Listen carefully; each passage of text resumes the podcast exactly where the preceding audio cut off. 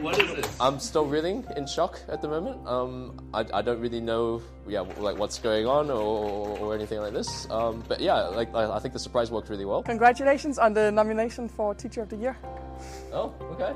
I was never actually expecting to win because um, because my teaching uh, style is so uh, odd or weird, as, as I guess my students say. Kenyan deserves the Teacher of the Year award because he has a really different class. Uh, it's very engaging, it's very manic, it's uh, no tech. This is how I like doing things, and I think my students get the most out of it as well.